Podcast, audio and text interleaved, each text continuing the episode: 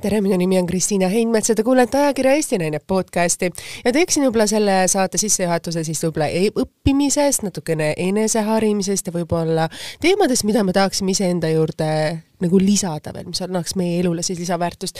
ja just täna, kui meil saatekülaline see sisse tuli, siis tema on selle valdkonnaga ise väga seotud ja me just rääkisime oma elustiili muutuste soovidest, et teatud vanuses sa mõtled, et kuidas oleks elus mugav.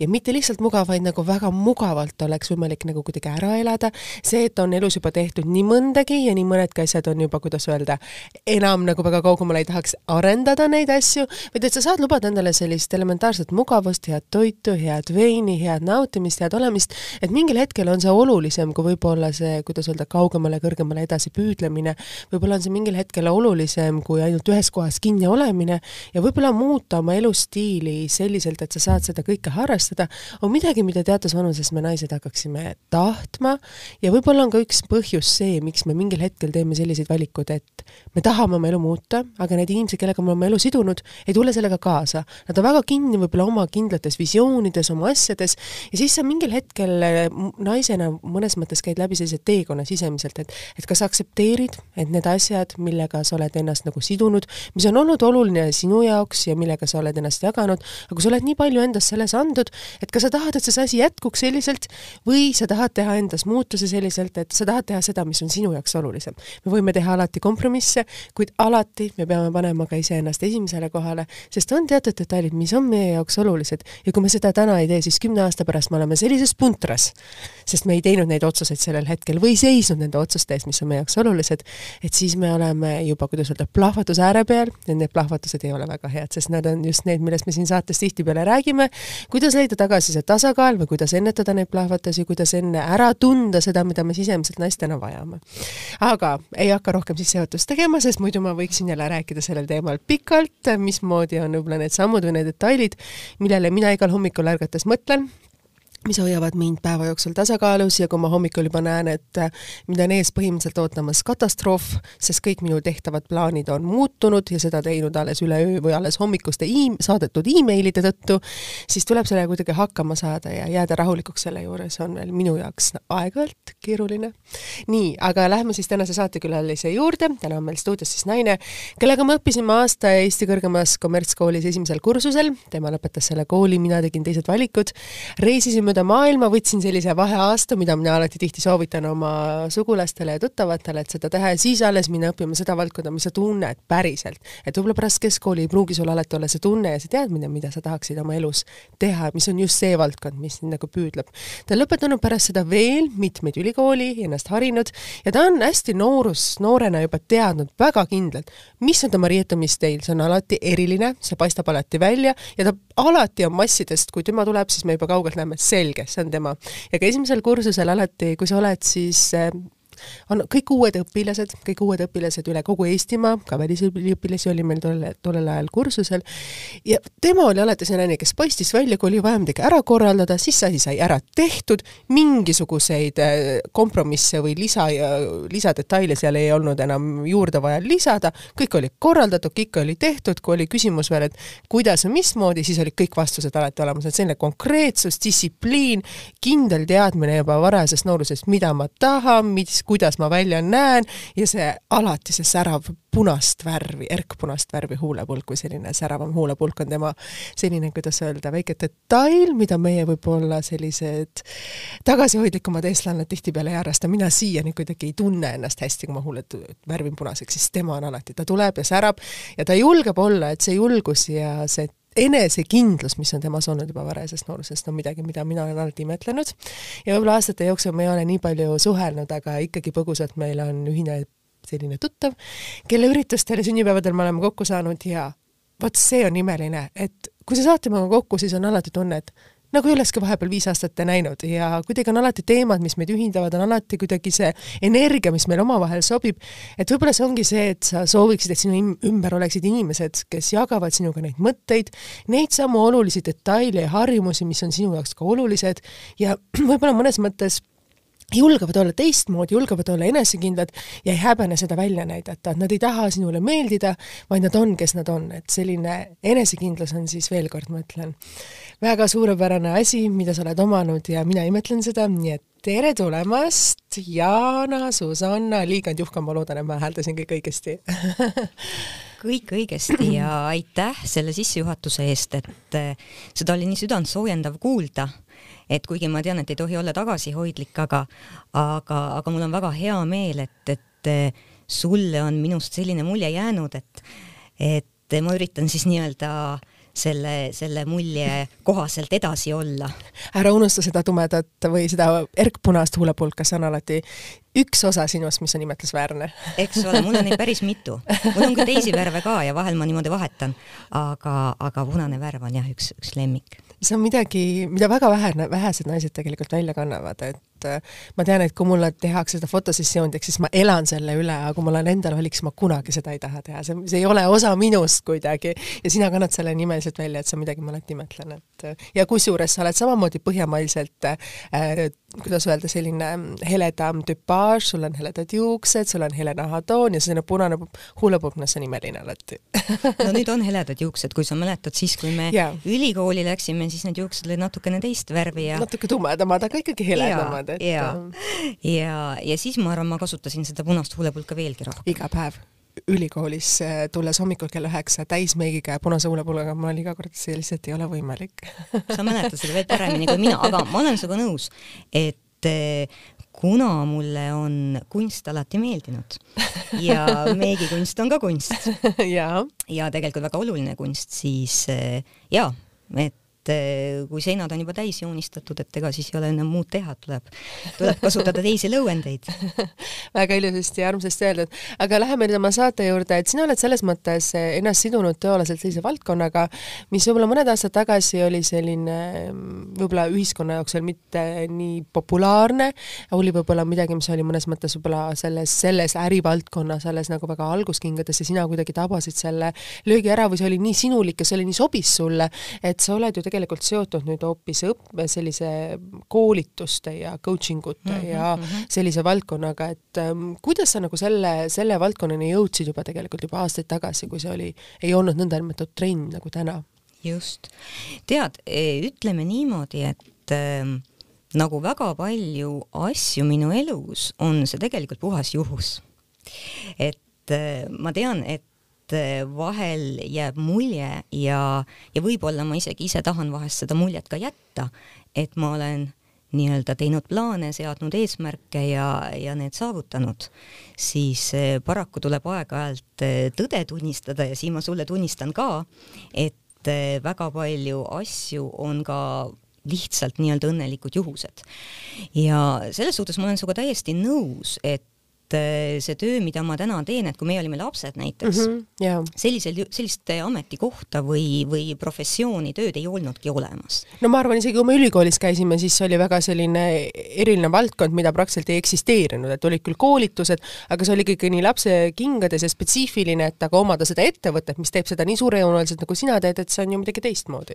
jaa, teada oli, aga see ei torganud meile ilmselt silma mm -hmm. ja ei torganud meile ilmselt silma ka seetõttu, et me tol hetkel ise võib-olla veel ei töötanud yeah et eks me oleme ju ka need, kes, kes läksid ju peale keskkooli lõppu ülikooli ja selles suhtes ma ütlen küll, et vahemärkusena see sinu vaheaasta mõte on ka suurepärane. ma tean ise, et kui ma teist korda ülikooli läksin mm, -hmm. siis mulle tundusid kõik asjad hoopis teistsugused ja arusaadavamad kui see kohe peale keskkooli. aga see selleks.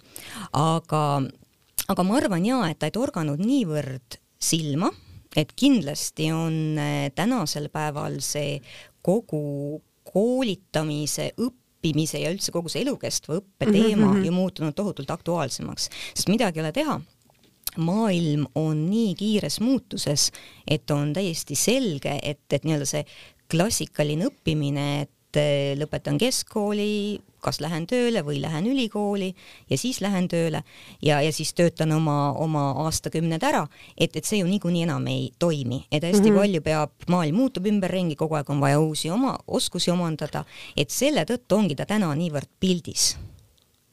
et jah, ja lisaks siis koolitusel on ju veel tegelikult ka igasugused teised enda ja, ja teiste arendamise vormid. enese coaching on ju see, mis on täna iga teine inimene juba ütleb, et ma olen nüüd coach, et ma teen coaching ut või asju mm. -hmm. mida see coaching siis tegelikult üldse nagu tähendab ja see enese coaching, et noh, sina tegelesid selle valdkonnaga juba siin aastaid tagasi, kui täna me teame, et meil on iga teine inimene lõpetanud selle valdkonna, pakub seda teenust, et annab sul seda konsultatsiooni või teha, et mm -hmm. kuidas nagu sina selleni nagu jõudsid? Asi sai alguse niimoodi, et äh, kuna muuhulgas sa ütlesid, et ma olen õppinud mitmel pool, tõesti olen ja muuhulgas olen õppinud ka, ka Ameerikas, Ameerikas., mm -hmm. just, siis äh, ilmselt tänu sellele inglise keele oskusele sain ma, sain ma oma välisministeeriumi töö kõrvale teise töö juurde, ma tulin Ameerikast tagasi, töötasin Välisministeeriumis ja, ja meie enda armas ülikool eh, kes oli siis vahepeal muutunud, muutnud oma nime Estonian Business School'iks, pakkus mulle inglisekeelseid loenguid. ja niimoodi tegelikult, nagu ma ütlen, parasjagu juhuse läbi, niimoodi ma sattusin eh, ülikooli loenguid andma ja siis, kui ma ühel, ühel päeval sattusin koridoris kokku oma lõputöö juhendajaga ja tema juba tegeles tollal koolitustega ja tema ütles, et, et kuule, et mul on koolitustel natukene abi vaja mm, -hmm. et kui on mhm. suured grupid ja, ja kui on võib-olla sellised äh, praktilised ülesanded, harjutused ja, ja siis ma sinna valdkonda tegelikult ka läksin, nii et ma ütlekski niimoodi, et ma ikkagi olen oma noh, peaaegu kahekümne aastasest karjäärist enamus osa positsioneerinud ennast tegelikult ikkagi koolitajana Mm -hmm. ja selle kõrvalt siis tõesti aeg-ajalt teinud väikeseid sutse ka ülikoolides õppejõuna ja ja, ja tegelikult õige pisut tegelenud ka ajakirjandusega, nii et, et kõike, kõike on, on eh, sinna, sinna mahtunud. aga kui me mõtleme seda tagasi, et sa töötasid Välisministeeriumis, see on ju mm -hmm. kindel töökoht ja väga paljud inimesed, kellega ma olen ise nagu rääkinud, et ka ise olles selles vald-, noh, üldse selle, selles mõnes mõttes äh, dilemma ees, et kas sa lähed kellast kellani tööle või sa suu-, või sa tahad ise midagi luua. ja olles Välisministeeriumis, see on ju väga kindel, väga prestiižne ja väga perspektiivikas töökoht ju selles mõttes, mis võimalused seal arenevad, samamoodi osaleda erinevates koolitustel, reisida, et see on ju tegelikult mõnes mõttes kõik, millest me nagu unistame, et kindel töökoht ja suur võimalus teha karjääri. ja siis sa tuled sealt ära ja lood oma ettevõtte ja sa ju ei tea, hakkab see toimima või see ei hakka toimima. esimesed aastad kakskümmend neli seitse, et kust sa võtsid selle julguse, et nagu sellisest, kuidas öelda, kindlast süsteemist hüpata põhimõtteliselt põhjatusse vette ja teadmata, kas üldse oskad ujuda? Sa kõlasid praegu täpselt nii nagu minu vanemad, kui ma selle otsuse tegin. et ka neil oli suhteliselt eh, suur ma ei oska öelda, kas oli hirm või ahastus.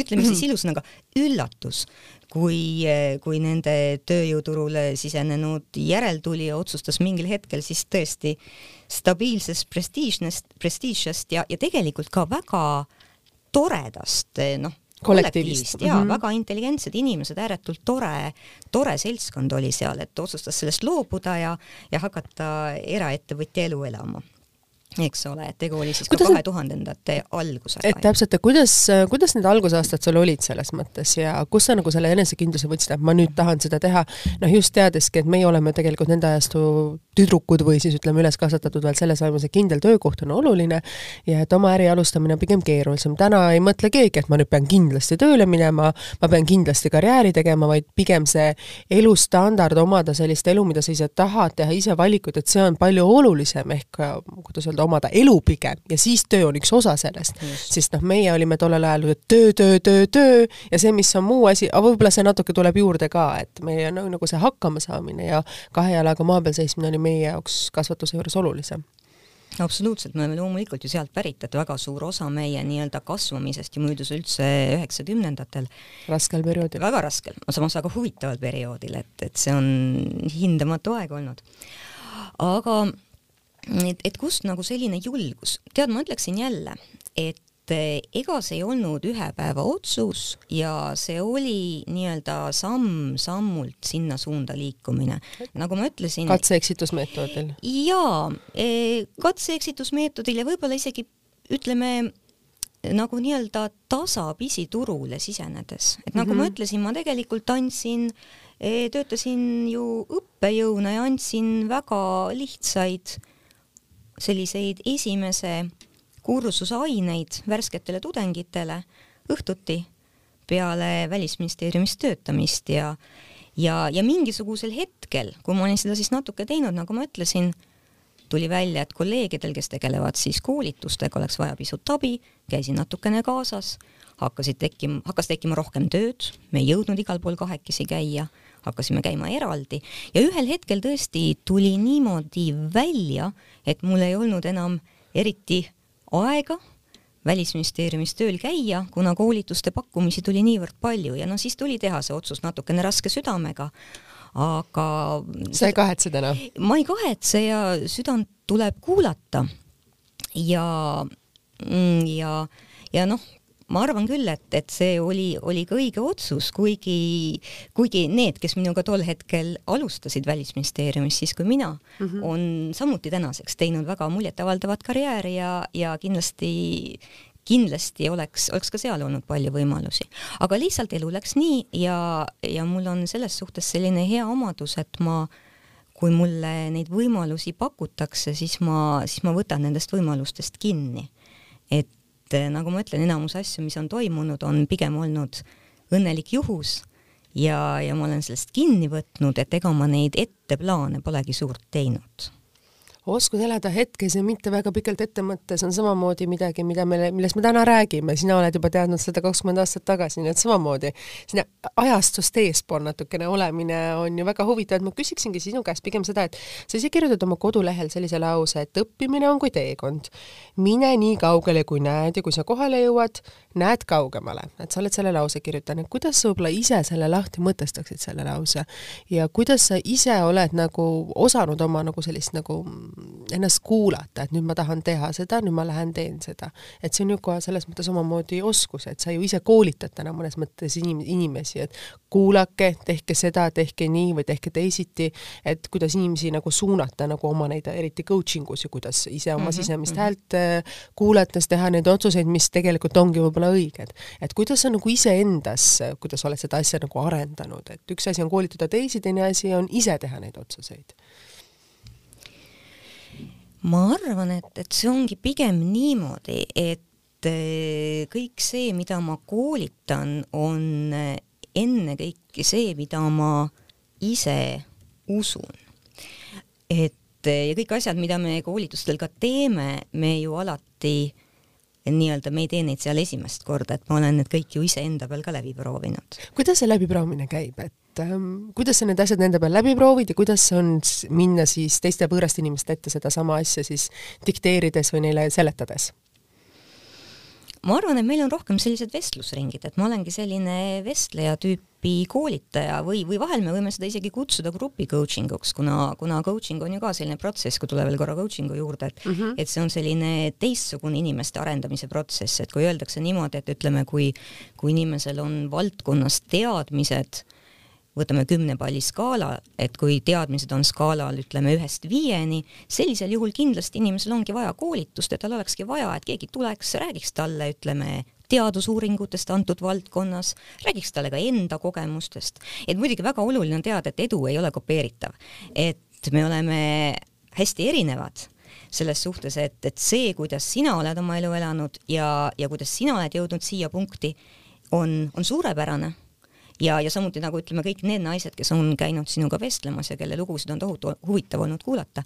aitäh! et äh, aga me ei saa võtta nagu kedagi, eks ju, eeskujuks ja hakata tema järgi tegema, kuna me isiksus, stardipunkt, isegi ütleme, aeg on erinev. absoluutselt, väga hästi öeldud selles mõttes, et me igaüks oleme erinevad ja me peame, peame igaüks oma tee leidma, et see on ju tegelikult ka üks koolituse eesmärki on, et sa tunned ära, mis on sinu ja teed seda, mis on sinu jaoks oluline ja teed seda täpselt selliselt, nagu see peaks toimima sinu jaoks õiglasena, et kuulata oma sisetunnet on väga oluline. just, aga nüüd ütleme, et kui inimene, inimene tahab midagi teada, siis koolitusel ta tõesti, ütleme, nii-öelda samamoodi nagu sinu podcast'e kuulates, ta saab ülevaate mingisugusest valdkonnast, ta saab mm -hmm. tõesti ülevaate uuringutest, ta saab ülevaate jah, ka miks mitte ka koolitaja enda kogemusest mm, -hmm. mida ka, mida ka ta jälle ei tohi enda, enda nii-öelda selliseks kinnisideeks võtta.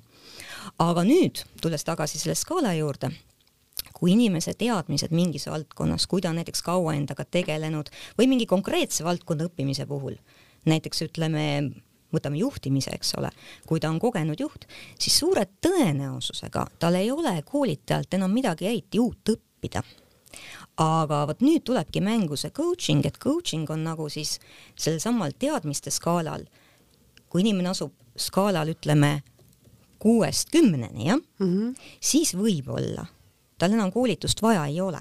et sellisel juhul tulebki mängu see coaching, kus tegelikult eh, coach aitab eh, selliste noh, professionaalsete suunavate küsimustega, mille peale võib-olla inimene ise ei tule alati ta aitab sellel inimesel nagu enda seest need vastused üles leida. et see ongi kogu selle coaching'u protsessi kasu, aga kui me nüüd küsimegi, et noh, kumba on siis rohkem vaja, koolitajaid või coach'e või mõlemaid, siis ma ütlengi, et see oleneb sellest, millises etapis oma elus või teadmiste hulgalt on, kogemuste hulgalt on parasjagu vastuvõtja. nii et väga palju jah, et viimasel ajal on ka tulnud eh, tegeleda siis nende inimestega, kes on, on väga kompetentsed, teadlikud, väga palju õppinud, väga palju kogenud, proovinud, aga lihtsalt eh, neil on ikka veel mingisugused küsimused ja sageli ongi väga konkreetsed küsimused ja siis coach aitab sind nendest küsimustest läbi närida. et sa rääkisid ka enese coach imisest, sellega on nüüd selline lugu, et on näiteks eh, coach'e, kes ütlevad, et iseennast tegelikult ei saagi coach ida, et sul on endal ikkagi mingisugused sellised nii-öelda mingi raam, mingisugused hoiakud, mingisugune maailmapilt, mis võib-olla natukene, natukene segab sul seda teha sa oled oma kindlas sellises ja, rutiinis ja seda teistmoodi nagu näha on ise just keeruline. Ja just need, nagu sa ütlesid, teised küsimused, mida sa ise ei oska küsida, keegi teine su käest küsib, paneb sind mõtlema, kuidas ma edasi liigun ja kuidas ma seda mulli siis hakkan teistmoodi nägema või teistmoodi liigutama. täpselt, ja ta teeb tegelikult seda hinnanguvabalt. Mm -hmm. ja ta teeb seda, seda nii-öelda kõrvalseisjana, et siin ongi just see vahe, et, et coach ei ole terapeut, ta ei, see ongi sinu minevikus, eks ole, kui, kui coach ei ole sõber, sest sõbrad on teatavasti kindlasti hoiavad sinu poole. ja toetavad ja to sind kõiges, heas kui halvas. just nimelt, et ta on, ta on keegi, kes aitab sind tänasest hetkest edasi. et ähm, aga, aga muidugi ma ütlen ka seda, et, et me räägime siin praegu äh, viimaste aastate trendist tegelikult. just et..., ja me räägime siin praegu ka nüüd sellest, et, et tõesti, me räägime siin ehm, sinust, minust, võib-olla siin, siin eh, inimestest, kes tegelikult oma, oma eluga tulevad täiesti toime, et ma ei ütle, et tegelikult see mineviku probleemide lahendamine ei oleks nüüd ka mitte üldse teema, et vahel on selleks, et edasi minna, vaja lahendada ära mõni, mõni minevikust tulenev probleem või, või mingi trauma või või, või sündmus, aga seda ei tee enam coach'id, eks ole, et selleks on meil psühholoogid ja terapeudid, et, et siin tulebki nagu see vahe, vahe sisse, et kindlasti ei ole ka coaching mingisugune imerohi, aga ta aitab sind tänasest punktist edasi, aga vahel, ma olen hästi nõus, mingisuguste teemade puhul on ikka vaja kaevuda sinna minevikku ja seal päris korralikult sobrada. Kas sa oled ise kaevanud oma minevikku, et et ähm, kui me teame nagu sinu lapsepõlvest, et sa oled ju tegelikult Tallinna tüdruk, sa oled käinud Rõiu Reaalkoolis, mis oli kindlasti hoopis teistmoodi kool tollel ajal ja hoopis kindlasti teistmoodi, võib-olla selles mõttes natukene välja valitumate laste ja kõige võib-olla mõnes mõttes ka lastevanematega, sest noh, sellel ajal, kui meie õppisime mm, -hmm. siis ei olnud väga palju neid eksameid sinna saada, et sinna sai tuttava tuttava kaudu ikkagi, et mm -hmm. sa mhm. pidid kuskilt või olema siis kesklinna laps päris, kes elas seal lähedal. et kuidas sa ise mäletad oma kooliperioodi, oma lapsepõlve, et kui me siia mineviku teemasse juba hakkasime vaikselt sukelduma? tead, ega ma väga palju pole minevikus kaevanud, aga miks ma ei ole kaevanud, pole olnud vajadust. et siin ongi see asi ka, et kui küsida, et millal oleks vaja kaevata, siis me võimegi öelda, et, et äh, kui midagi häirib või segab, et selles suhtes kaevanud ei ole. aga et sul oli selles mõttes kindlasti vaja, ma tean, et sul on väga toredad vanemad, on sind alati toetanud, on sind alati hästi kasvatanud, sa oled selline viisakas, välja peetud, selline tubli tüdruku välja peetud äh, naise, kuidas öelda, selline siis äh, parimaid näiteid siin Eesti ühiskonnas, võib-olla minu tutvusringkonnast, et kellel justkui on kõik asjad olemas, nii et noh, sa ütled, et sa tunned ka ise võib-olla see enesekindlus ja see tarmukus tuligi sellest, et sul oli kodus kõik hästi korras, olid nagu toetavad vanemad, sul oli kuidas öelda, see stardipunkt oli väga tugev ja kindel oli küll, ega me siinkohal muidugi ei, ei saagi ei saagi vaielda, et ega me kõik tuleme ju oma lapsepõlvest mm, -hmm. midagi ei ole teha. et äh, me võib-olla vahetevahel kipume seda alahindama, võib-olla kipume ka alahindama tegelikult seda lapsevanemate rolli mm, -hmm. aga see on ääretult oluline ja ma arvan jah, et see on kindlasti üks asi, millega, millega, mis, millega mul ütleme, on vedanud ja, ja e, ütleme nii, et ka õnneuuringud ütlevad, et tegelikult e, teatud osa meie õnnest mm -hmm. on vedamise faktor, aga väga palju saab ise ära teha. et ähm, seda on öelnud on öelnud selline, selline õnneuurija nagu Sonja Ljubomirski, et et kümme protsenti meie õnnest sõltub siiski ka nii-öelda õnnelikust juhusest. ja tõesti, võib-olla see minu õnnelik juhus, siis eh, jah, tuleb, tuleb sellest eh, perekonnast. aga ma olen Tallinna tüdruk küll, aga, aga tegelikult ei saa, ei saa mainimata jätta, et ma olen ikkagi väga palju oma, oma lapsepõlvest olnud ka vanavanematega maal, nii et, et äh, jah. samamoodi omamoodi idüll, et sa oled linnalaps ja sul on võimalus nautida seda maa kuidas öelda, maaimelisi helisid ja seda maitset ja neid lõhnasid suviti, et et ma võib-olla küsiksin sellised, et mis on võib-olla need tarkusesõnad või need detailid, mida sa oled oma perekonnast kaasa võtnud, oma vanematest kaasa võtnud, mis on sinu kui fundamentaalsed ja mida sa tunned, et sa ei saa nendele vastu astuda?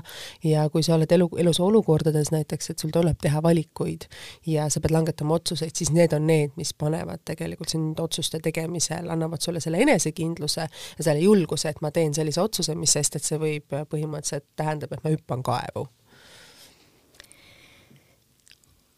ega nad ilmselt eh, jälle, siin tulevad nagu, tuleb mängu see ajastu muutus ja, ja tulevad mängu uued terminid, mida meie lapsepõlves ja meie ajal ilmselt ei kasutatud.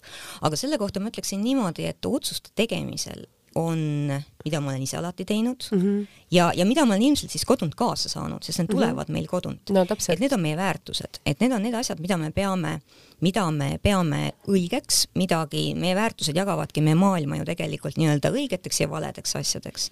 ja nüüd eh, ma arvan, et see julgus teha otsuseid lähtuvalt sellest. Nendele väärtustele põhinevalt on keeruline tegelikult. just nimelt, aga ma arvan, see on võib-olla see julgus, mille ma olen siis kaasa saanud mm. -hmm. et eh, päris kindlasti ei, ei, ei võtnud keegi eh, väikest Jaanat käe kõrvale ja hakanud talle selgitama, mida tähendavad väärtused ja kuidas väärtustest tulenevalt eh, teha oma elus otsuseid, eks ole, et et, et väärtustest tulenev otsuste langetamine tegelikult teeb meid õnnelikuks, kui me küsime, et mis teeb meid õnnelikuks. ja, ja kui me eirame oma isiklikke väärtusi, oma tõekspidamisi, seda, mida me peame õigeks, siis tegelikult langeb enesehinnang, tekivad mm -hmm. motivatsiooniprobleemid, me läheme, noh, oleme ausad, oma eluga rappa.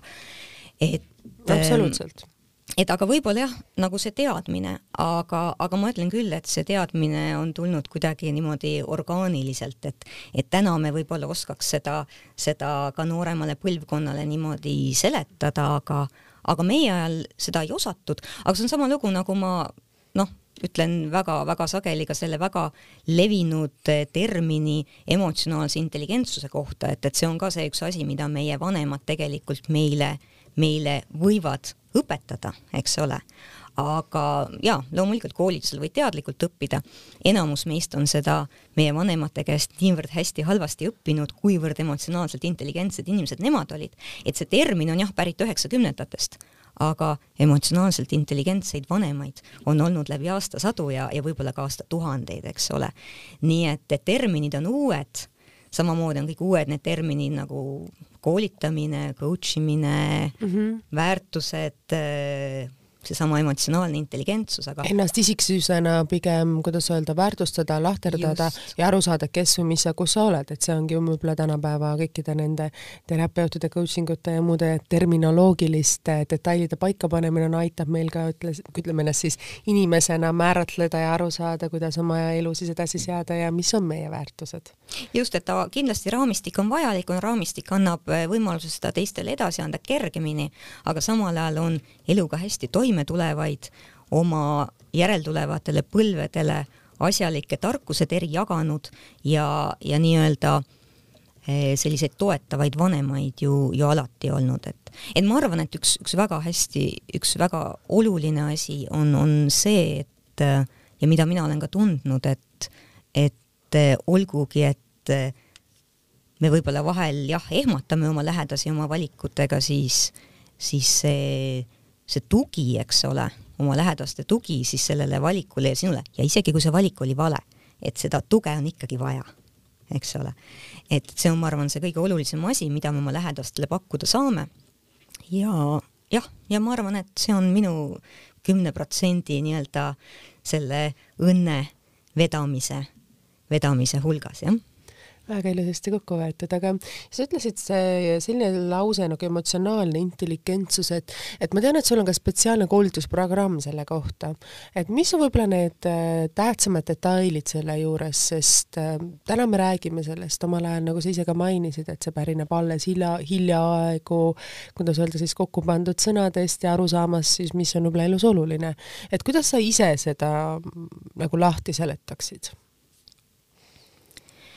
Emotsionaalne intelligentsus on, on tegelikult meie võime tulla toime iseendaga ja kõigepealt esiteks siis mõista iseennast, tulla endaga toime sellisena, nagu ma olen ja, ja tulla toime ka teistega. et jällegi see on võime, mida teatud inimesed on vallanud alati. aga mis on jah, positiivne on see, et me oleme tänaseks aru saanud, et see võime on õnneks arendatav et see võime on arendatav, ma saan õppida ennast paremini tundma, ma saan hakata endale rohkem meeldima. et üks väga oluline koht, eh, kus nagu, kust nagu ütleme nii, et, et kui seal on probleeme, siis tegelikult on ilmselt terves elus probleeme, et üks väga oluline koht, mis tuleks nagu paika saada või millega tuleks tegeleda, on meie enesehinnang. ja enesehinnang, adekvaatne, terve, positiivne enesehinnang ehk siis eh, endaga rahulolek, endaga nii-öelda sõber olek, endaga tuttav olek ja, ja endaga leppimine, võime ka nii öelda, et, et see tegelikult on nagu selleks stardikohaks, kust me üldse saamegi siis rääkida emotsionaalse intelligentsuse arenemisest või arendamisest, endaga toimetulekust, teistega toimetulekust, maailma, maailma nägemisest, et noh, ütlemegi nii, et, et midagi ei ole teha, et me näeme siiski maailma läbi subjektiivse prisma. just, just täpselt. ja ega inimene ongi eraldi subjektiivsus ja neid kokku panna või leida see ühisosa on väga keeruline nii peresuhetes kui ka abikaasana kui ka koolis kui ka töökohal ju tegelikult. no absoluutselt, igal pool. ja, ja midagi ei ole teha, mida positiivsem on meie enesehinnang, seda rohkem me tegelikult märkame ka neid võimalusi ja, ja, ja võib-olla see on ka põhjus, miks mina olen nendest võimalustest osanud siis kinni võtta mm, -hmm, eks ole. eks ju, et kui niimoodi praegu hakata siin mõtlema, et ja mida, mida rohkem meil on probleeme selle iseendaga ja, ja iseenda armastamisega, iseenda nii-öelda enesesõbralikkusega, enda heakspidamisega, et seda rohkem me näeme ka teistes vigu, seda rohkem me näeme, näeme maailmas ohtusid, mitte nii palju võimalusi. nii et sealt see saab alguse jah, aga, aga jälle tuleme tagasi, ka meie enesehinnang saab siiski alguse lapsepõlves mm. -hmm. aga tulles koolituste juurde tagasi, et kui sa küsid, et mida nagu seal teha saab ja mida me oleme ka teinud, enesehinnangut on võimalik siiski teatud Eh, meetodite abil ka hiljem turgutada mis on võib-olla need detailid, mille, mille abil ennast turgutada, sest äh, mina pean tunnistama, et ähm, kui ma olin noor, siis ma saan, mina kasvasin üles äh, väga terves perekonnas mm. -hmm. noh, igas perekonnas on omad sellised tõusud ja mõõnad ja võib-olla arusaamatused asjad, aga ma teadsin alati, et mul on alati kindlus olemas. ja olenemata minu otsustest, minu perekond alati toetas mind ja mul oli samamoodi see meeletu enesekindlus ja arusaamine, mida võib-olla tõlgendati aeg-ajalt äh, võib-olla liiga enesekesksuse ja egoistlikkuse ja, ja selliste detailidega. ja see on jälle teisi inimesi tõlgendus, eks ole. jah, see on teiste inimeste tõlgendus mm, -hmm. eks ma seda kindlasti olin, ka sa oled noor, sa tead, et sa pead elus hakkama saama, sa saad mm -hmm. toetuda ainult iseendale ja selleks, et elus läbi lüüa, sa pead lihtsalt võitlema mõnes mõttes ja noh, olles tulnud ka sportliku taustaga, siis selline võitlemine ja võistlus oli üks osa, milles ma olin üles kasvanud mm. -hmm. et noh, ongi võib-olla mingil hetkel sa kuidagi kaotad nagu selles enesekindluse, sest võib-olla need inimesed, kes sinu ümber on, ei ole sinu jaoks need kaljud ja nad ei toeta sinu ja sind võib-olla selliselt, nagu nad peaksid seda tegema. ja see enesehinnangu kadumine nagu elu jooksul just selles, kus sa saad emaks ja need võib-olla ebaõnnestumised viivadki sind lõpuks sinna, kus su enesehinnang on nagu väga madal. nii et ma hea meelega kuulaksin, mis on võib-olla need äh, asjad, mida sina seletaksid, mida me saaksime teha, kui me tunneme, et me ei tunne ennast hästi, me ei tunne ennast nagu väärtuslikuna, et me ei tunne ennast, et me saaksime elus hakkama, et me näemegi igas asjas probleemi ja probleemi ja probleemi, et me ei näe, et et pigem see on lahendus, et see on samm edasi, et me näeme selles nagu probleemi uutes võimalustes, mitte seda, et ma saan areneda, ma saan nüüd sellest kinni haarata, ma saan, mul on nüüd maailm rohkem avatud, et mis on need sinu enda võib-olla sellised detailid, mida ise oled sa aastatega täheldanud, et mis on need hästi olulised, mis aitaksid meid inimestena edasi, sest neid inimesi, kes on sellistes rasketes olukordades, on tegelikult rohkem, kui nad julgevad seda avalikult tunnistada või rääkida sellest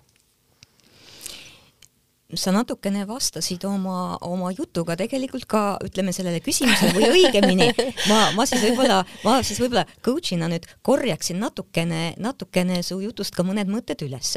ma lihtsalt äh, ja. rääkisin, kuhu mina olen siis ise nagu inimesena Just. jõudnud alles oma teekonda teha seda ameerikalikult mägelikult, mä-, kuidas Ameerika mägedelikult üles-alla. et, et sa mainisid ka, eks ju, tugevat tagalat lapsepõlves ja, ja loomulik on see, et kui me seal, kui me kasvame suureks, suureks, et siis see tugev tagala ei ole kogu aeg enam meie kõrval. ja mm -hmm. loomulikult midagi ei ole teha, natukene muutuvad ju suhted ka sellega, kui, kui kõik vananevad ja saavad, esiteks saavad suureks ja siis, siis vananevad ja, ja sama lugu toimub ju vanematega ka, et, et et nad ei ole nii-öelda iga päev, iga päev meie juures enam, ma arvan, et nad suhtlevad ja, ja hoiavad lapselapsi ja mis iganes, eks ole, aga teevad seda ka praegu absoluutselt, eks. aga nad ei ole võib-olla tõesti kogu aeg su kõrval.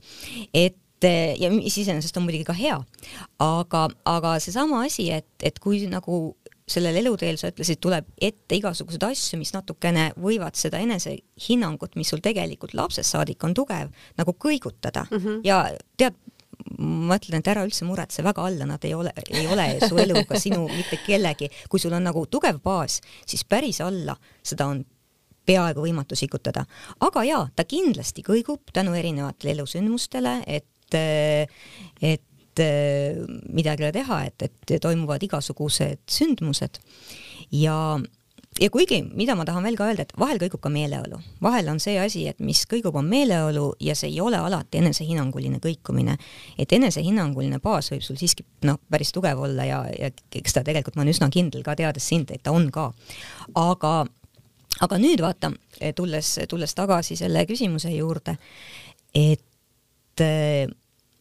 seetõttu ongi oluline ka ennast erinevatel eluetappidel ümbritseda inimestega, kes meid toetavad väga ja, hästi öeldud, et oluline on omada häid sõpru ja Just. kui sa tunned, et neid sõpru sul ei ole, siis ise julgust küsida abi, seda, seda olen mina saanud aru ja kui sa näed, et inimene on raskustes, kuigi teil ei pruugi olla kõige paremad suhted või teie vahel on olnud mingisugune negatiivsus, siis alati ise astuda selle inimese poolt, kes sa näed, et on nagu, kuidas öelda, omadega võib-olla ummikus või raskes situatsioonis, lihtsalt pakkuda abi, siis noh, ma olen seda ise teinud, olles ise mm -hmm. ka mhm. keerulistes mm -hmm. olukordades ja nagu see positiivsus, mis sa sealt saad, elad ja see nagu, sa näed, et sa suutsid inimest aidata võib-olla samas olukorras, kui ta oli, kui see olid sina, kui keegi võib-olla ei osanud sind aidata, aga sa tundsid selle olukorra ära, aitasid teda, et see on midagi, mis on nii hea tunne sul. Täpselt nii, et võttes vot sellesama, nii kui küsidagi, et mis seal lapsepõlves siis nii head olid, sa ise ütlesid, sul oli tugi, sul oli taust, sul oli, olid inimesed, kellele toetuda, et et neid inimesi, ütleme siis nii, et me saame neid elu jooksul juurde tekitada või ütleme nii, et me peaksimegi oma suhteid elus vaatama selliselt, et meil oleks neid inimesi, et me oleksime selliste inimestega ümbritsetud. Need on kahtlemata inimesed, kes peavad ka jagama teatud mõttes jälle seda meie väärtussüsteemi, nii-öelda ka nende õiged ja valed peavad olema meie õigete ja valedega sarnased. et meie maailmavaade peab olema nagu sarnane. sest muidu toimub selline plahvatus omavaheline, sest kui need väärtused on nii erinevad ja nii balansist välja väljas, siis see ei toimi ühisosana. ei, see ei toimi. et ma arvan, et see on tõesti, kui nüüd küsida, et mida, ütleme, mida inimene saab ise ära teha, et me saame tegelikult tegeleda sellega, et me, me aga selleks peab muidugi iseennast kõigepealt hästi tundma mm, -hmm. aga et märgata neid inimesi, kellega me hästi klapime ja looma ja hoidma suhteid nende inimestega. ja tegelikult eh, meediast on ju ka väga palju läbi käinud, võib-olla sa oled tähele pannud ja, ja meie kuulajad ka kindlasti on tähele pannud, et et see Harvardi õnneuuring, et mis, mida siis peetakse mis sai alguse tuhande üheksasaja kolmekümne kaheksandal aastal ja, ja mida siis peetakse äh, maailma, maailma suurimaks longituuduuringuks õnne vallas, et äh, alustati siis tuhande üheksasaja kolmekümne kaheksandal ja, ja alustati meestega ja no tol ajal, eks ju, nagu arvata on, tänaseks on, on naisi ka juba uuringusse võetud. et ja taheti tegelikult alguses uurida elutervet vananemist, aga see muutus maailma suurimaks õnneuuringuks ja, ja miks, sellepärast et hakkasid üsna ruttu tulema tulemused, et head suhted hoiavad meid õnnelikuna ja ka tervena. nii et selles suhtes ja, ja seal on palju selliseid alamnüansse veel, muudavad ka edukaks, ühesõnaga toetavad meie edukust elus. nii et, et kõige aluseks on ikkagi head suhted. et, et see on see koht jah, mida ja millega me saame tegelikult nüüd ise tegeleda ka, et me võiksime ja see ei ole alati kerge, suhtes on ikka alati kaks osapoolt aga, aga see ei ole kerge, aga, aga me võiksime pingutada natukene oma heade suhete nimel.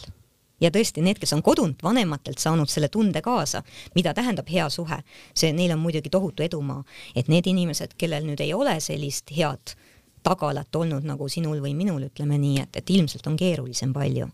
aga see ei tähenda, et me ei saa elu jooksul uusi suhteid luua ja, ja aga suhetega tuleb tegeleda ka, et nad päris, no nagu kõigega, et mm -hmm. nad mhm. päris iseenesest ka ei suhted baseeruvad ka väga palju usaldusel ja ma olen just. tänaseks täheldanud just seda, et et kui sa ei saa seda kindlust kodust kaasa, kui sul ei ole sellist usaldust esu, elu vastu mm, -hmm. ei suuda, ei suuda seda nagu ausalt nagu vaadata või sul ei ole seda ausalt presenteeritud sellisena, nagu sa oled väike, siis noh, noorena just mm, -hmm. et sul on nagu hiljem väga raske ja keeruline omada kommunikatsiooni, kui see ei ole olnud osa sinu elust kui sinuga ei ole lapsena räägitud, siis sa ei oska sellest hiljem rääkida. kui sul ei ole tundeid välja näidatud, kõik on nagu näiliselt hästi, kuigi pealispinna alt on olnud katastroof, siis, äh, siis sa ei oska seda ka hiljem välja näha, et sa pigem näitad, et näiliselt on hästi, tegelikult on see suur katastroof.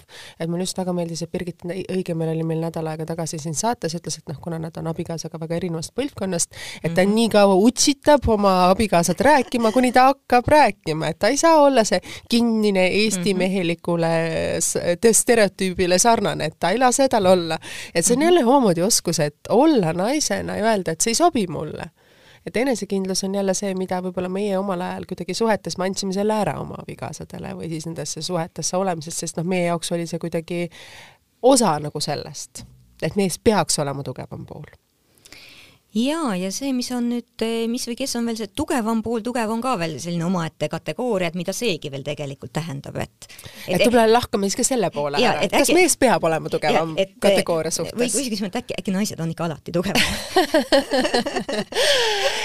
et oh, oh, ma võtakski nagu pigem selle kokku, et kuidas me nagu seda tugevust siis nagu lahterdaksime, et me oleme ju inimestena, mõni on tugevam ühes asjas, mõni on tugevam teises asjas ja kui me valime endale partnereid või sõpru, siis üldjuhul nad peaksid meid tasakaalustama või olema meiega sarnased, et me ei saa olla, omada häid sõprussuhteid või asju, kui inimesed on kuidagi meist nagu tagurlikumad või meist tagapool, sest tõmmata kedagi kaasa enda tasemele või omada kedagi samas väärtusvestlus, kui ta ei suuda sinu teemadega haakuda, et see on väga raske ja keeruline. Mm, -hmm et pigem oled sina see coaching, kes peab kuidagi tagasi, tagant tõmbama, aga see ei ole ju täisväärtuslik äh, suhe ei partneri poolest ega ka sõpradest poolest just, just, et, et selles suhtes, et äh, tugevus on tõesti väga erinev mõiste. Äh, sa väga õieti ütlesid, et, et inimestel on erinevad tugevused ja ma arvan, et las inimestel ollagi need erinevad tugevused.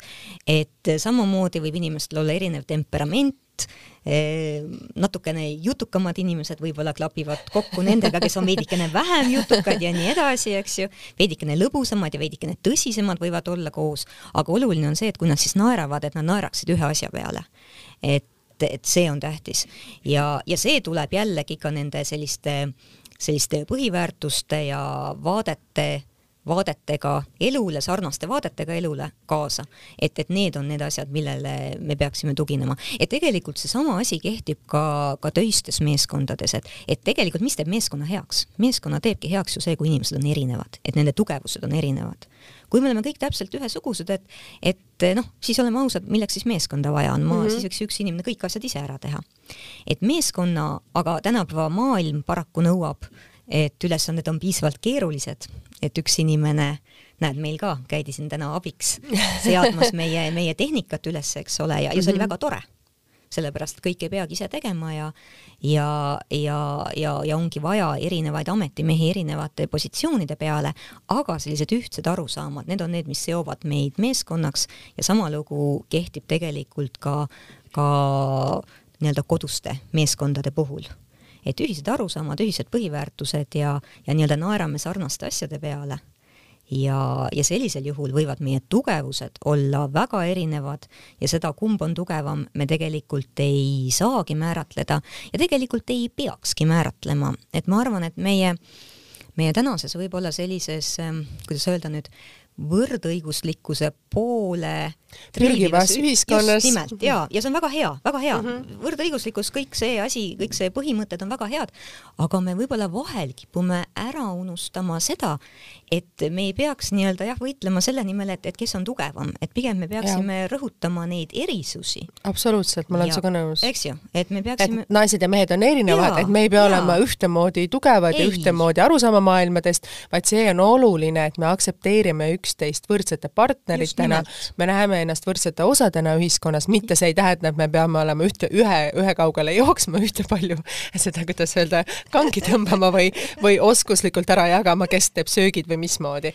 et pigem Just naised nimelt. võiksid jääda naisteks, mehed võiksid naiste naisteks, aga omada seda võrdõi-, võrdsust ja aktsepteerida ennast võrdselt ühiskonnas, et see on küll oluline. absoluutselt, et eh, minu mees eh, eh, tõstab ka raskust, mis on sama raske kui mina või raskem. absoluutselt. Ma, ma ei saagi siin võistelda, ma ei saagi siin võistelda, siin pole mingit küsimustki. Ja ei peagi, just nimelt, ja ei peagi.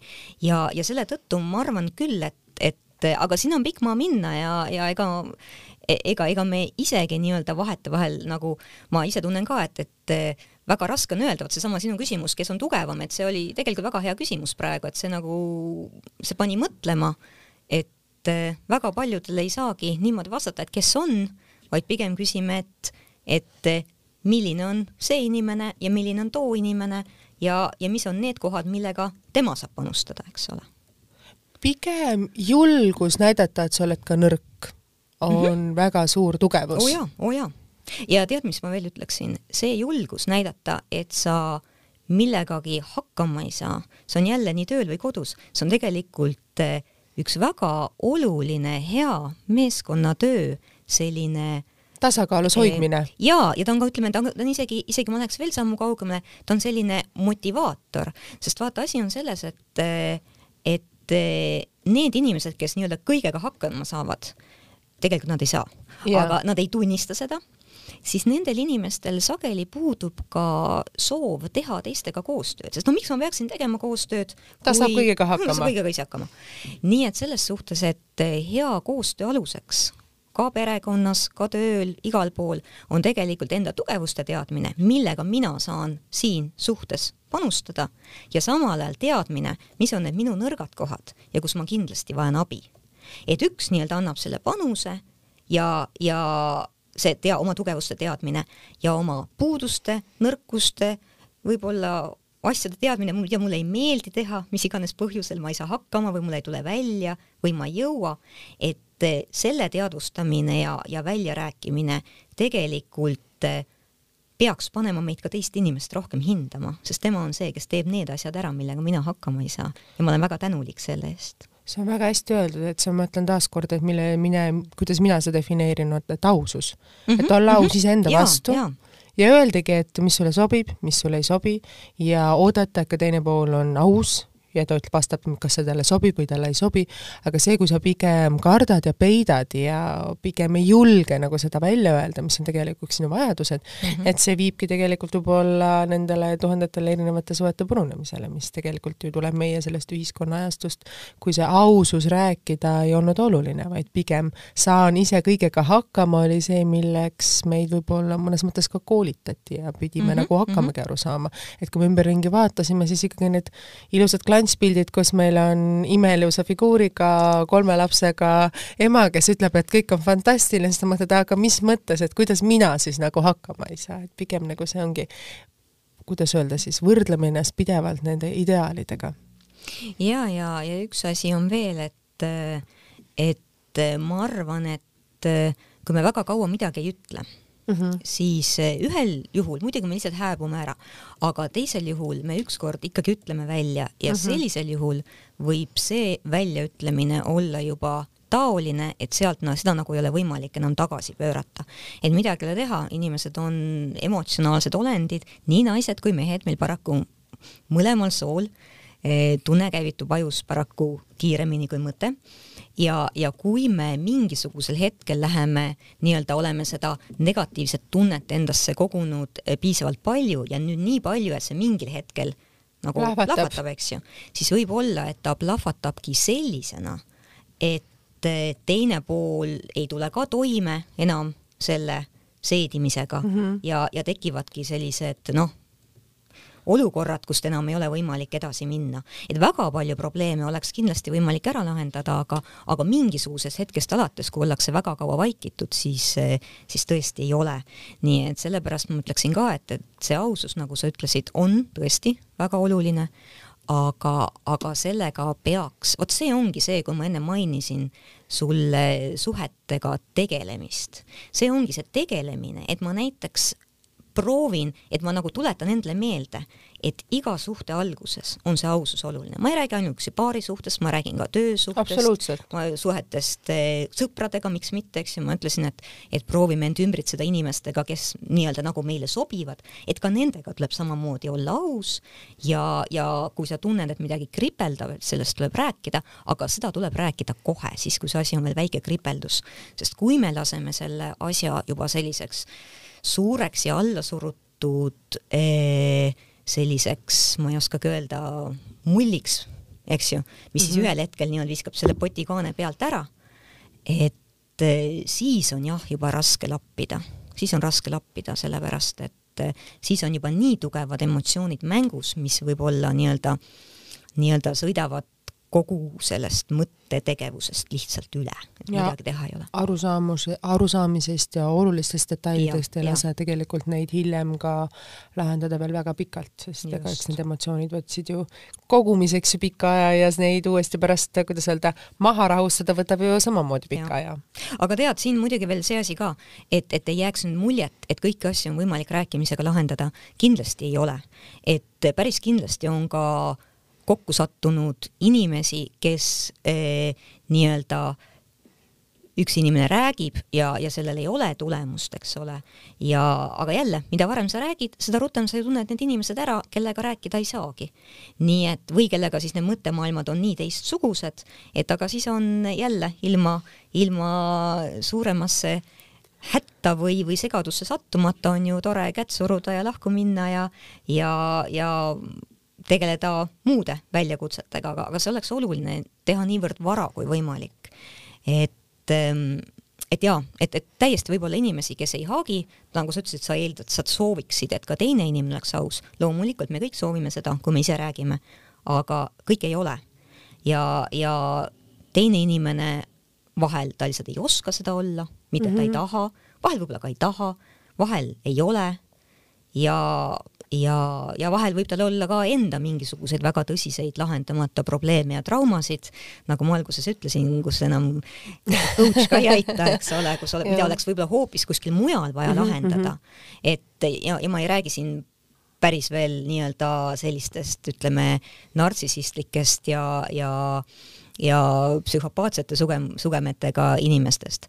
et, et sellega peab ka alati arvestama, et kui sa oled aus, kui sa räägid et see ei garanteeri sulle veel alati ideaalset tulemust. ei, seda, seda loomulikult. aga kui sa ei räägi, siis keerad asja kihva niikuinii, ma ütleks varem või hiljem, suure tõenäosusega jaa, absoluutselt. aga sa ütlesid, see rääkimine ja see kommunikatsioon, et kui palju tegelikult sina ise alati soovitad seda kommunikatsiooni just oma koolitustel nagu omada nagu inimestest, sest siis selles mõttes, et eestlane, nagu ma ennem ka ütlesin, on selles mõttes ikkagi vaikne ja tagasihoidlik, ta pigem ei ütle, ta mõtleb ja kui ta juba mõtleb, siis ta juba arvab, et ta ütles, aga tegelikult ta ei öelnud ju mitte midagi, et see on tihtipeale öeldakse Eesti nõndanimetatud nagu meessoost inimestega, et et inimene mõtles juba selle asja välja, aga ta ei öelnud seda ja arvas, et sa juba said aru sellest või kuidagi nagu mõistsid seda.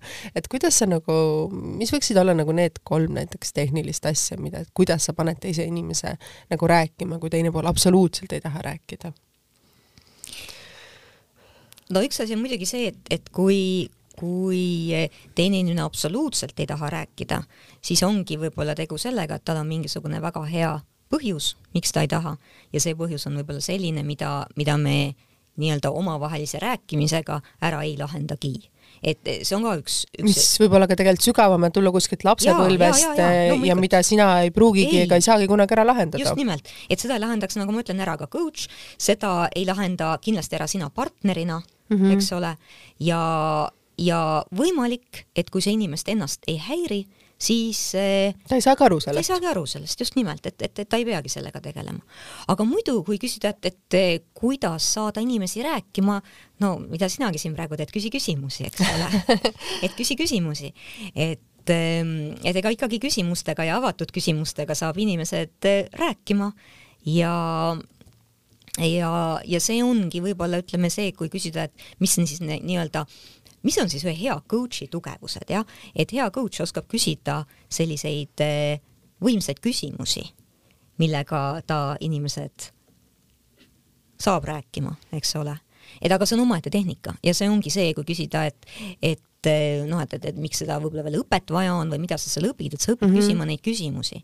ja, ja kindlasti loomulikult ka oma isiklikus elus tuleb see väga palju kasuks. aga ma ütlen, see on tehnika, seda õpitakse, nii et jälle et, et keegi kuulajatest ei arvaks, et, et äkki ta ei oska nüüd piisavalt häid küsimusi küsida, et, et see on veel täiesti omaette tehnika, mida õpitakse. Ja, ja, ja kindlasti kõik oskavad teatud küsimusi küsida, aga, aga kui küsida ja et, et kas see on omaette kunst, jaa, see on ka veel omaette kunst siit siis võib aru saada, et kõigepealt olla aus iseenda vastu, panna paberile need ausad küsimused, mida sa tahad küsida mm, -hmm. ja siis proovida leida, et nendele saada ausaid vastuseid, kui oled elus mõnes mõttes kergekäikudesse jõudnud, sest noh, kuidas nagu naisena hoida ennast tasakaalus, on meil alati selle saate jaoks nagu oluline mm. -hmm. aga me oleme nüüd filosofeerinud terve see saade erinevatest Eesti ühiskonna probleemidest ja teemadel ja me oleme kuidagi sinu sellise persooni jätnud hoopis täiesti kõrvale, sest minul oli niivõrd ja erakordselt huvitav, ma arvan, et ka me saatekülalistel oli erakordselt huvitav. aga ma ma küsiksin ka siis sinu korda, et meil on juba ka aeg hakkab jooksma ja ma näen, et Lauri juba lehvitab meil siin ukse taga, tere Lauri! Et me peame saate hakkama vaikselt kokku tõmbama, et mis on nagu sina, rääkides kõikide neid asju ja teades kõiki neid tehnikaid erinevaid ja olles nii palju ennast koolitanud ja ka omades seda professionaali, et sa nagu selles mõttes mõnes mõttes aitad inimesi väga palju ja aitad neil jõuda edasi siis erinevates valdkondades, olenevates punktides, kus nad siis on, et mis on nagu sinu kui naise jaoks nende aja jooksul, millest sa oled aru saanud, et kuidas sina hoiad ennast endale tasakaalus, et mis on sinu jaoks, enda jaoks välja töötatud need detailid? tead, ma ütlen kõigepealt, et eh, sa oled küsinud väga häid küsimusi. aeg on tohutu ruttu läinud. jaa, tund aega. jaa, see, see annab märgu sellest, et, et eh, sul on küsimist, oled muidugi palju harjutanud ka, et, et sul on küsimuste küsimisega kõik väga hästi.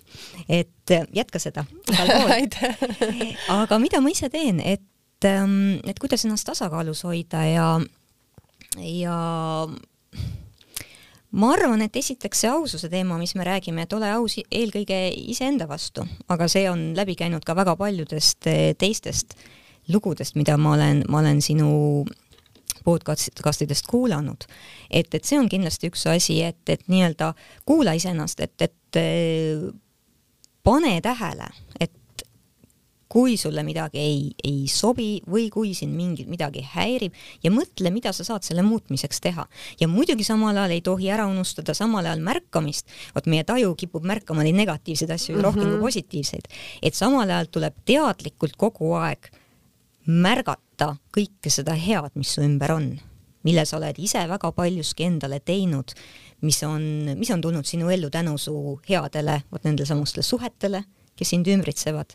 et mõlemaid asju tuleb paralleelselt kogu aeg silmas pidada, et jälle ei ole musta-valget, ei ole tugevat nõrka, et ühest küljest äh, olla tänulik ja märgata kõike. elada siis selles Just hetkes nimelt. ja vaadatagi kõikidele olukordadele, situatsioonidele ausalt otsa ja need ka sellelt selles mõttes analüüsida, et mis on hea olla tänulik mm -hmm. ja mis on halb, on mõelda, kuidas ma saan seda siis muuta paremaks, et see oleks nii. minu jaoks sobilikum, et ma ei oleks see õnnetuse hunnik ja ei vajuks sinna õnnetusse rohkem, nagu ma siis võttes kokku. täpselt mm -hmm. nii, see on väga hästi kokku võetud ja, ja see on väike tegutsemine, aga minu meelest see ei ole mingisugune hull ja raske töö, et et see on tegelikult see, millega me kõik peaksime igapäevaselt tegelema mina ise tegelen ka ja, ja ma arvan, et see viib meid tasakaalus eluni. aga mis on sinu enda jaoks need kolm lippi, mida sa naise jaoks endale lubad, kas see mhm. on mm, -hmm. ma ei tea, trennis käimine, kas see on hea toit, hea vein, kas see on sõbrannadega väljas käimine, mis on need, kuidas sa ennast nagu laed? Ma kannan väljapool tööd palju kõrge kontsaga kingi, sellepärast et kuna ma tööl olen päevad läbi jalul koolitustel, siis kui on vähegi võimalus, siis ma, siis ma panen kõrge kontsaga kingad jalga ja, ja mulle meeldib, kuidas see konts niimoodi klõpsub, kui ma käin oi kui hästi naiselikult öeldud ja sinna juurde see punane huulepulk ja. ja see särav silmameik ja see mm. just nimelt ja väike trenn veel otsa ja, ja sellepärast, et midagi ei ole teha rääkisime enne emotsioonidest, eks mm -hmm. ole, et füüsiline aktiivsus paraku ikkagi mõjutab meid emotsionaalselt väga palju mm -hmm. läbi erinevate keemiliste protsesside, mis meie kehas toimub. nii et, et liigutama peab ja, ja kui veel natukene päikest ka paistab, siis, siis tuleb seda märgata ja ja sellest, sellest eraldi veel rõõmu tunda, et, et õnn peitub pisiasjades väga palju aga jälle ei ole musta ja valget, see ei tähenda, et me oma elu suured asjad saaksime nii-öelda kõrvale jätta, mõne, kõigega peab tegelema, suurte asjadega, väikeste asjadega. aga, aga oluline on, et me tegeleme. Ma võtan siis selle saate kokku, sest Lauri juba käib meil väga edasi-tagasi. Seal, me oleme rääkinud juba üle tunni aja. õnn peitub pisiasjades on võib-olla see lause, millega ma võtaksin selle kokku aitäh teile, kallid kuulajad, kes olite selle tunnikese minuga, aitäh, Jana Susanna Liigand-Juhkam, minu jaoks lihtsalt aitäh, kallis Jaanakene, et sa tulid siia saatesse, et me saime kõiki neid teemasid vestelda siin selle tunni aja jooksul, mida me oleme siin aastate jooksul ise vestelnud.